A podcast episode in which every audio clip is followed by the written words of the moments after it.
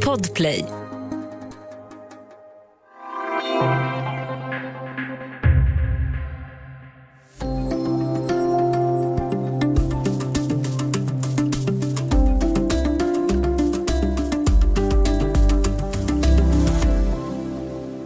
Den efterlängtade sommaren är här, men sommarvärmen kan ju också vara ansträngande för hjärtat och under den här tiden så ökar också risken för drunkningsolyckor.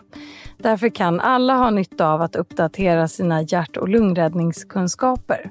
Så vad behöver du kunna för att rädda liv? Välkommen till Studio DN. Jag heter Ylke Holago.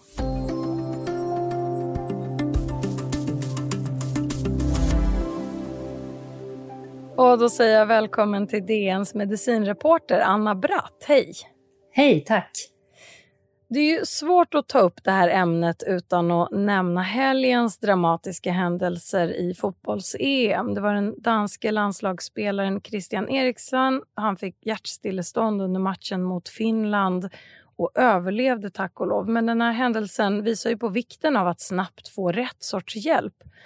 Utan att spekulera i fallet Eriksen Anna, vad, vad, kan hända med hjärtat som kräver att man eh, behöver få hjärt-lungräddning? Ja, det som händer är ju att hjärtat helt enkelt slutar slå. Man får ett hjärtstillestånd eller hjärtstopp.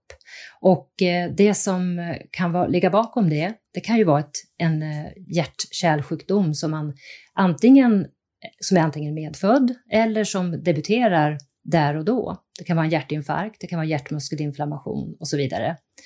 Eh, sen finns det ju andra skäl till hjärtstopp. Det kan hända vid till exempel ett mycket allvarligt astmaanfall och sen det som, som man kanske också känner till är ju vid drunkningstillbud. Så det finns en rad olika eh, anledningar till hjärtstopp. Tankarna kanske för många går till eh, äldre personer med hjärt-kärlproblematik men eh, det är ju en mycket bredare skara. Vilka det här handlar om, vilka är det som drabbas? Ja, det är ju äldre eh, kanske framför allt. Men det läskiga är att det här kan ju faktiskt hända människor i alla åldrar, även yngre. Det kan ju vara en eh, hjärtmuskelinflammation hos en ung idrottare, det har ju hänt. Eh, eller att man har ett medfött hjärtfel som då debuterar i samband med idrott. Och sen kan det ske långt upp i åldrarna av olika skäl, på, i samband med idrott eller på annan, på annan plats. Och när det här eh, händer, Utanför sjukvården så krävs det ju då hjärt-lungräddning, det som vi brukar kalla för HLR. Det är ju förkortningen. Vad är hjärt-lungräddning för någonting? Ja, det handlar ju om att hålla igång cirkulationen i kroppen, alltså hålla igång hjärtat så att blodet cirkulerar i kroppen och att hjärnan får syre. För det man inte vill ha det är ju att det blir syrebrist i hjärnan för det kan leda till bestående hjärnskador i värsta fall. Och det här gör man genom att pressa med eh, händerna mot bröstkorgen. Det kallas ju för bröstkompressioner. Och ju tidigare bröstkompressioner kommer igång desto större är chansen att överleva ett hjärtstopp. Vi pratar om att ja, det behöver komma igång på någon minut bara. Men vad händer om det går längre tid? Ja, om man misstänker att den här personen har eh, haft hjärtstillestånd tidigare så, så ska man nog ändå sätta igång med hjärt eh, och lungräddning efter att man har eh, ringt 112. Ehm, det är just för att minska risken för bestående hjärnskador. Så att det, det är bara att, att dra igång HLR, även om man misstänker att det har gått, gått ganska lång tid. Så hur ska man agera då om det har gått längre än en minut? Det är bara att köra. Om man misstänker att det har gått längre tid än en minut eller så, så är det bara att komma igång med bröstkompressionerna. Eh, följa de olika steg som finns i HLR helt enkelt. Det är bättre att dra igång än att inte göra någonting. Vi ska ta en kort paus och sen prata vidare om hur man utför en hjärt-lungräddning.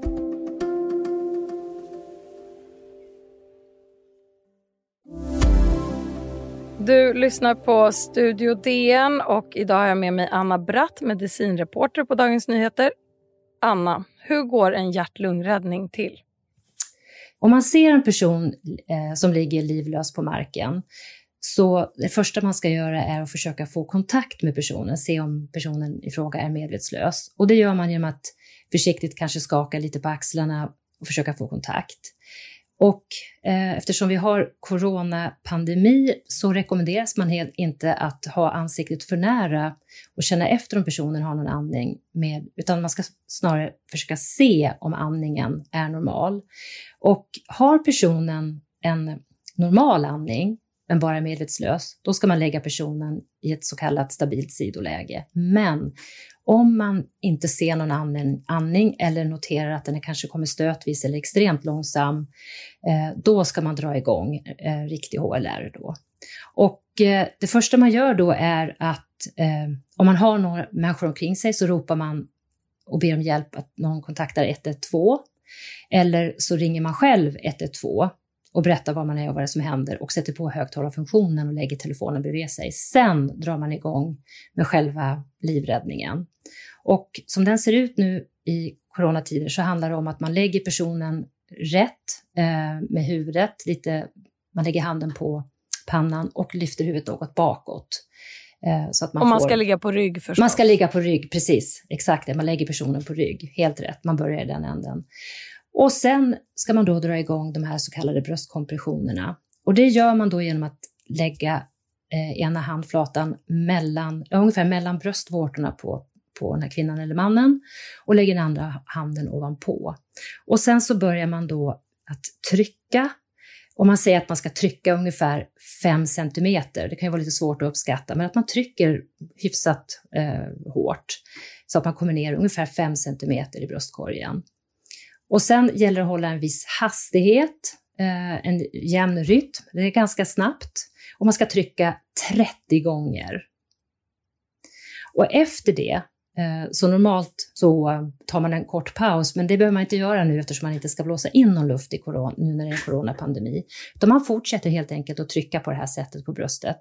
På de kurser som jag har gått i hjärt-lungräddning så har man fått träna till den gamla discohitten Staying Alive med Bee Gees. Den anses vara extra lämplig för att hitta rätt tempo för hjärt-lungräddning. Vi ska få höra lite på Staying Alive här för att få in den rätta känslan inför vår träning.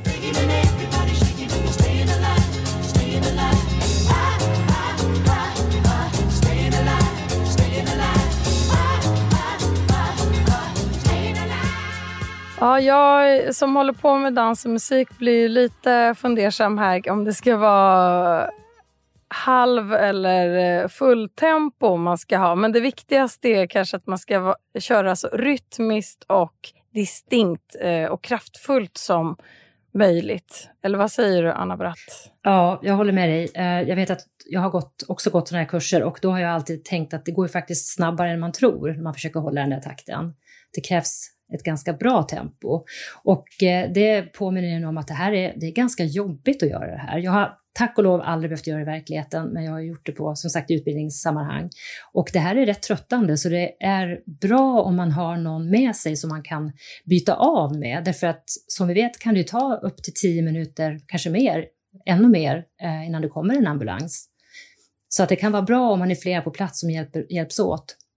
Och eh, sen är det så också att det finns ju relativt många hjärtstartare runt om i landet och eh, eh, eh, det är viktigt att komma igång med de här bröstkompressionerna så fort som möjligt och man kan också ropa till någon att hämta en hjärtstartare om det finns. Det finns ju många idrottshallar till exempel.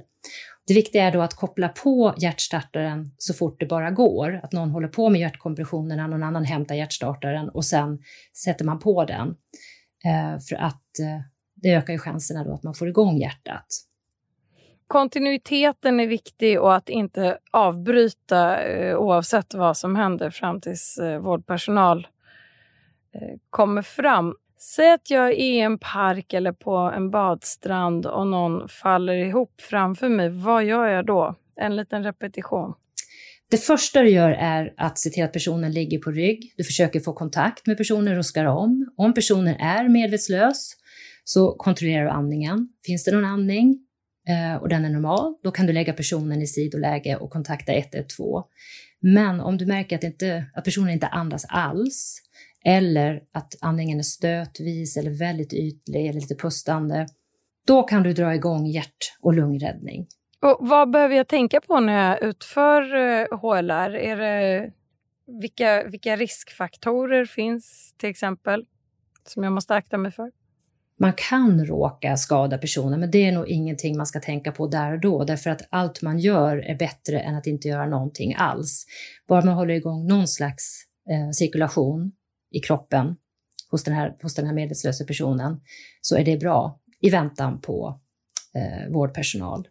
Du nämnde här tidigare att pandemin förstås påverkar hur vi kan utföra eller bör utföra hjärt-lungräddning just nu. Att vi ska observera andningen innan vi påbörjar en insats. Vad finns det mer som vi behöver förhålla oss till som, eh, har, som är relaterat till pandemin?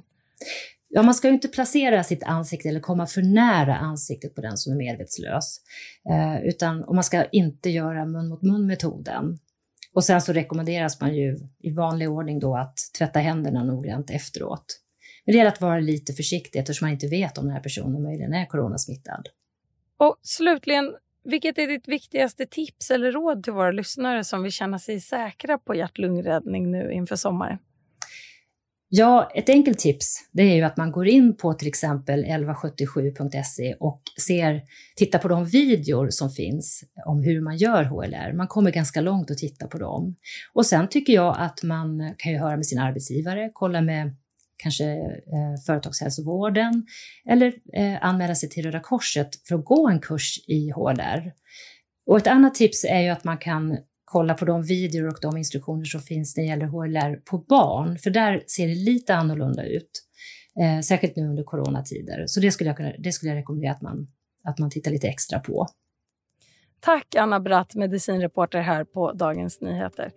Studio DN görs för Podplay av producent Sabina Marmulakai, exekutiv producent Augustin Erba, teknik Jonas Lindskov, Bauer Media och jag heter Ylky Holago.